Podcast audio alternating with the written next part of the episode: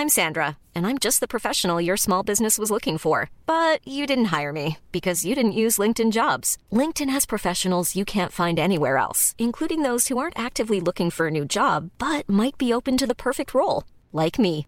In a given month, over 70% of LinkedIn users don't visit other leading job sites. So if you're not looking on LinkedIn, you'll miss out on great candidates like Sandra. Start hiring professionals like a professional. Post your free job on linkedin.com/people today.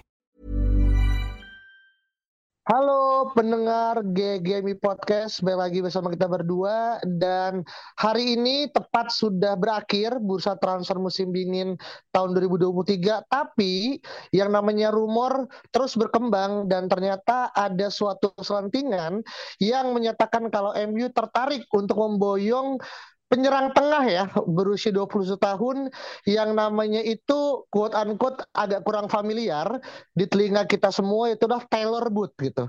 Lalu menanggapi rumor Taylor Booth yang katanya mirip dengan FDJ gitu. Karena posisi mungkin agak uh, similar apa yang lu bisa tangkap dari hal ini Vin? Kalau ini tadi lu bilang penyerang ya. Jadi ini sebetulnya gelandang. Dia gelandang tengah dan gue juga sebetulnya baru lihat ya nama pemain ini dan gue yakin banyak pendengar GGMU juga dan fans MU yang baru dengar nama pemain ini yaitu Taylor Booth dan ini pemain asal Amerika. Dia juga ternyata punya keluarga negaraan Italia juga juga. Dan dia sekarang bermain di FC Utrecht klubnya Coach Justin ya. Gitu. Dan uh, kontraknya sampai 2025 market value-nya cuma 1,5 juta. Jadi kita beli Taylor Booth 100 pun bisa aja nih sebetulnya. Nah, cuma masalahnya meskipun tadi lu mungkin mention the new Frankie De Jong ya. Cuma kalau misalnya gue lihat gaya mainnya di YouTube ya, itu ternyata dia tuh kayak siapa ya? Gue agak bingung. Karena dia tuh kayak pemain yang main di sayap atau playmaker, tapi kalau main di gelandang dia tuh bisanya main di tiga gelandang sebagai gelandang yang bermainnya lebih mobile gitu loh. Jadi bukanlah tipe pemain yang bermain deep dan juga double pivot. Itu kalau yang gue lihat ya di usia sekarang yang 21 tahun gitu. Jadi kayaknya sih memang agak berbeda dengan Frankie De Jong malah lebih mirip kayak siapa ya? Mungkin kayak Jack Grealish versi lebih kencang lagi larinya atau mungkin milik uh, apa mirip si siapa Mudrik menurut gue gitu. Jadi kalau dibilang Frankie De Jong kayaknya sih bukan ya. Jadi mungkin dia bakal cocok menjadi uh, suksesornya mungkin Bruno Fernandes ya nantinya. Hmm, oke. Okay. Tapi ini gue lihat di transfer market ya, main posisinya dia adalah central midfielder dengan other posisinya adalah defensive midfield dan juga right back gitu. Nah, Tapi gue nggak tahu nih mana yang akhirnya menjadi poin kebenarannya. Tapi memang kalau kita lihat ya di beberapa kompilasi YouTube ya, karena setelah itu pun gue juga nonton gitu dan banyak ternyata yang udah ngupload gitu semenjak rumornya berkembang gitu. Dan memang beliau ini cukup versatile lah. Dan itu mungkin yang disukai sama Ten Hag kan.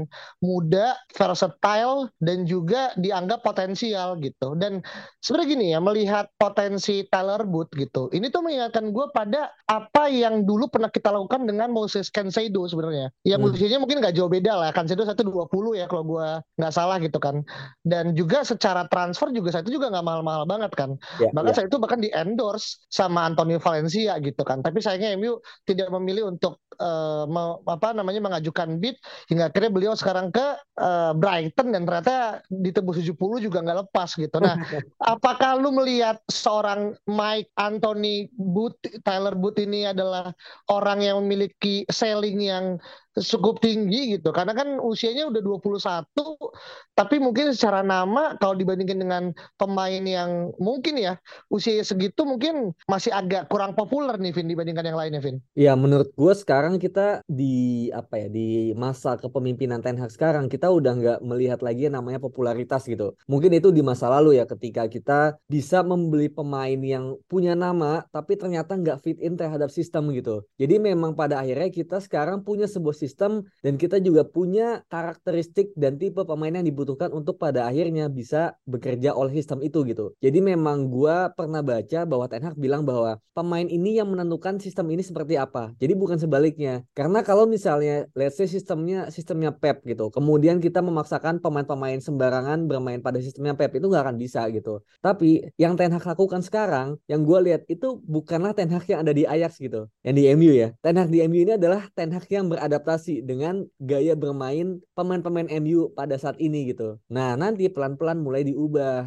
gitu. Yang mana kelihatan bahwa ada pemain-pemain yang berpotensi bisa dikembangkan dan bisa bermain dengan sistem nantinya, tapi ada juga yang memang udah mentok, udah nggak bisa dan itu pasti akan dilepas nantinya gitu. Itu kita juga udah bisa lihat ya siapa aja pemainnya dan pemain siapa aja didatangkan gitu. Jadi pada akhirnya kalau misalnya nanti si Taylor Booth ini didatangkan, gue udah yakin banget bahwa Ten Hag ini udah melihat dan apalagi ya bermainnya kan dia juga di Liga Belanda yang mana Ten Hag juga bermain di Liga Belanda tadinya gitu melatih di Liga Belanda jadi gue yakin banget bahwa Ten Hag ini udah bisa mengidentifikasi siapa saja yang memang bakal cocok dan bisa menjalankan sistemnya dengan baik karena Ten Hag sendiri kan juga bukanlah tipe pelatih yang memaksakan gitu kalau memang pemain ini bisa fit in terhadap sistemnya dia akan kejar gitu tapi kalau enggak mending gak usah sama sekali jadi menurut gue meskipun namanya nggak terlalu terkenal masih 21 tahun tahun. Tapi kalau misal Ten Hag melihat ini adalah pemain yang cocok, menurut gue bisa. Nggak apa-apa, ambil aja. Hmm. Soalnya gini ya, uh,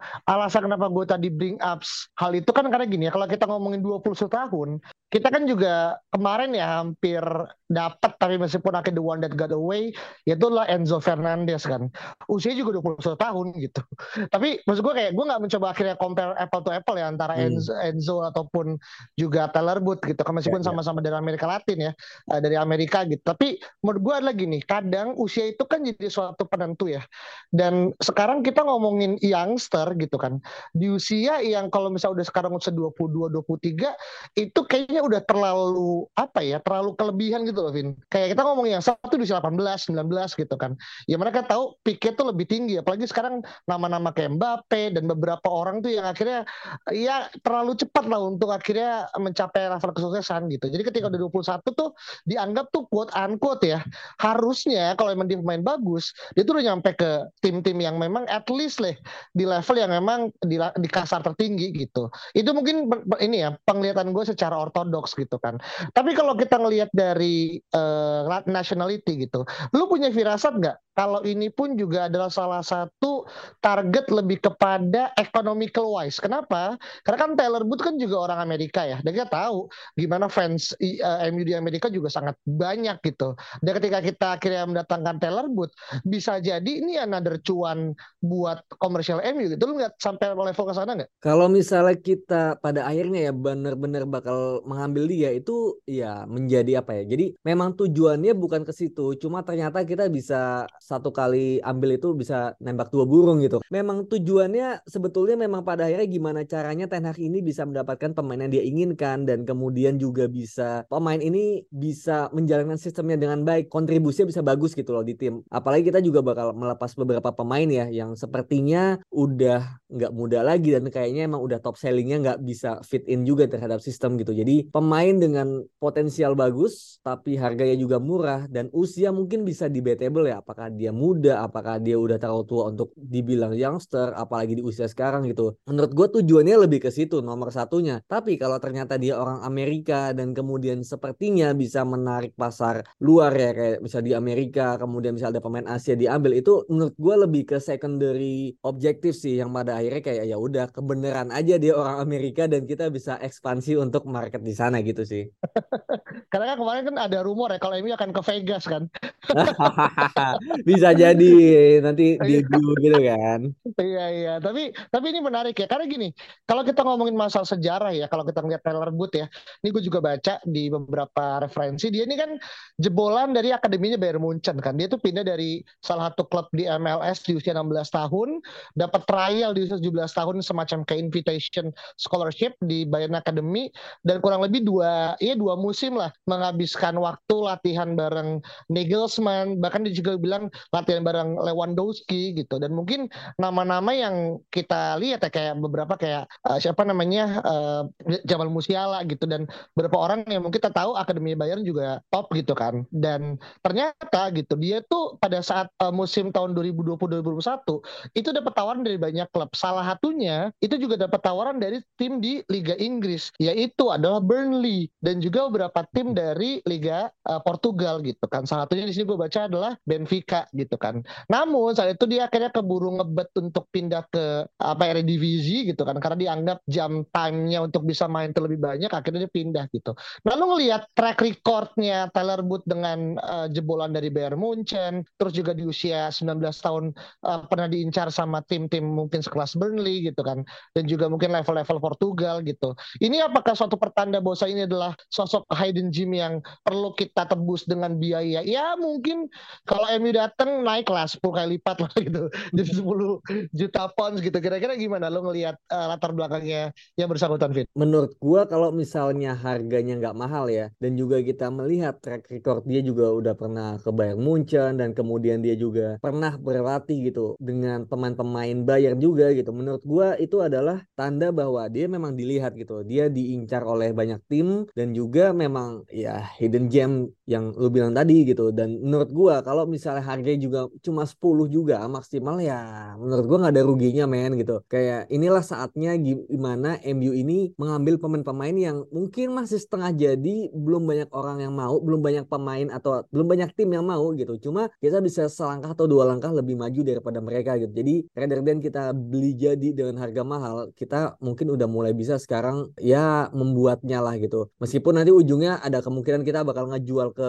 tim lain lagi gitu. Tapi kalau misalnya ternyata kita udah cukup mendapatkan apa ya uh, hasilnya ya kasarnya ROI-nya udah berkali-kali lipat ya ya udah nggak masalah saatnya kita juga produce another one lagi gitu loh. Jadi menurut gue biasanya kan kita juga melihat bahwa kita beli pemain udah jadi tapi kemudian value-nya turun gitu karena pada akhirnya karena lack of planning kemudian gaya bermain tidak apa nggak cocok itu bikin value jadi turun gitu dan akhirnya ketika dijual harganya bisa nol bahkan gitu kan kayak Pogba kan kita beli 100 dijual nol gitu kan. Itu kan satu hal yang menurut gue kayak ya dari sisi investasi juga meskipun kalau dilihat dari komersilnya ya itu oke tapi dari sisi harga pemainnya sendiri sih itu kita udah apa ya rugi banget lah bisa dibilang gitu kan. Jadi hmm. menurut gue sekarang saatnya kita juga mengubah haluan di mana yang tadinya kita beli pemain jadi kita coba bikin pemain itu menjadi pemain yang jadi. Oke, jadi kayak ditambah kita lagi, udah ya, mulai hmm. betul. Dan ditambah lagi pas, juga hmm, ditambah gimana? lagi kita juga sekarang kan kita banyak pemain senior kan gitu. Jadi memang pada akhirnya nggak cuma apa ya punya pemain muda doang mengandalkan pemain muda tapi kita udah punya backbone ya gitu. Kita udah hmm. punya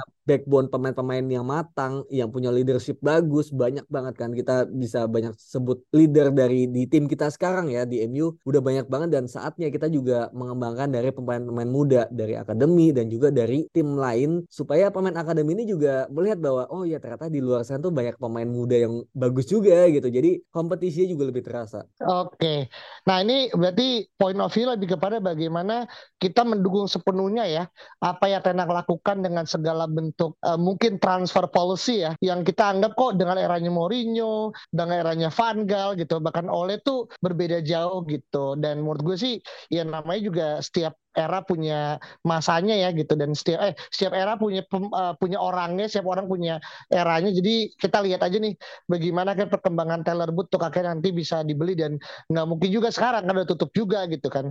Kemungkinan besar kan akan datang di bursa transfer musim panas gitu. Dan kita mungkin selama enam bulan ke depan kita akan terus ngetrack nih gimana perkembangan Taylor Booth dan apakah dianggap dia bisa mengisi posisi di MU gitu kan. Betul, betul, yang betul. mana mungkin mungkin ya dengan adanya rumor misalkan contoh Scott McTominay yang akan diincar sama Newcastle, Fred yang kontraknya juga masih ya 50-50 segala macam gitu kan.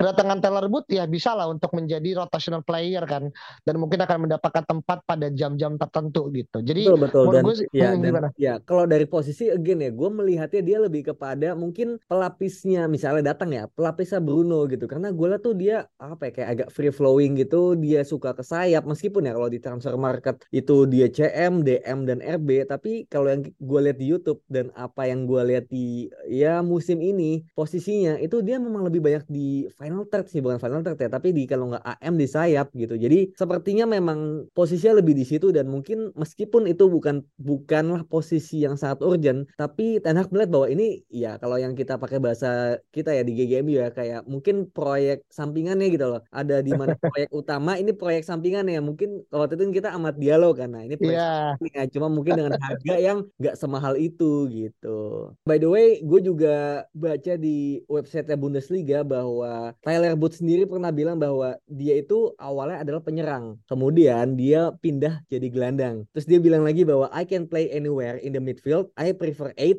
or 10 because I like more of an attacking role kayak gitu. Dan I prefer a free roaming role. I can always get on the ball. Jadi memang ini kan mirip banget ya sama Bruno Fernandes. Dan menurut gue memang pada akhirnya nomor 8 atau nomor 10 kan ini dia banget ya. Bruno banget bisa 10, bisa 8 dan awalnya juga penyerang juga gitu. Jadi kayaknya memang berbeda sih dari Frankie De Jong yang mungkin posisinya lebih ke deep ya nomor 6 gitu sih. Mm -hmm. Iya iya iya. Karena juga ini gue baca ya salah satu uh, skill set atau powernya Taylor Booth adalah pace, power dan juga teknik gitu. Yang mana ya dengan dia fokusnya free roam ya gitu kan. Ya menurut gue sih ya bagus kan berarti akhirnya kita bisa nempatin dia di banyak posisi bahkan sebagai right back ya. Yang menurut gue agak cukup uh, apa namanya bertolak belakang banget dengan posisi aslinya yang akhirnya lebih main ke tengah gitu. Tapi ya we'll see. Uh, kita nikmati aja rumornya karena biasanya gini nih kalau dari pengalaman gue ya uh, ngikutin bursa transfer MU dari at least ketika gue udah benar-benar aware ketika SMA sampai dengan sekarang gitu. Biasanya tuh hal, -hal kayak gini kan sering muncul ya. Oh, ada nama dia tuh diincar pasca H plus tiga bursa transfer ditutup gitu kan. Tahu ya nanti udah bursa transfer berikutnya udah nggak ada lagi tuh gitu. Udah hmm. hilang hmm. aja gitu. udah pindah lagi gitu kan ke yang baru gitu. Dan kita tentu uh, nantikan ya apakah rumor talent boot ini akan uh, menjadi suatu hal yang prematur dalam arti cuman ya lahirnya tidak sesuai dengan apa yang mungkin diekspektasikan atau justru malah menjadi nama yang terus berkembang hangat dan siapa tahu akan diumumkan secara here we go gitu kan ketika eh, bursa transfer musim panas 2023 dimulai. So, teman-teman kalau nanti punya pendapat dan juga point of view yang berbeda tentang Taylor Booth termasuk kalau tadi Alvin kan lebih ngelihat Taylor Booth lebih kepada posisi nomor 10 ya kayak misalnya mati dia sebagai AM gitu kan. Tapi kalau teman-teman punya pendapat berbeda silahkan langsung aja bales reply Twitter kita di @ggmu dan jangan lupa untuk te follow dan kasih bintang 5 di Spotify @ggmu podcast. Kita ketemu lagi pada kesempatan. Bye bye.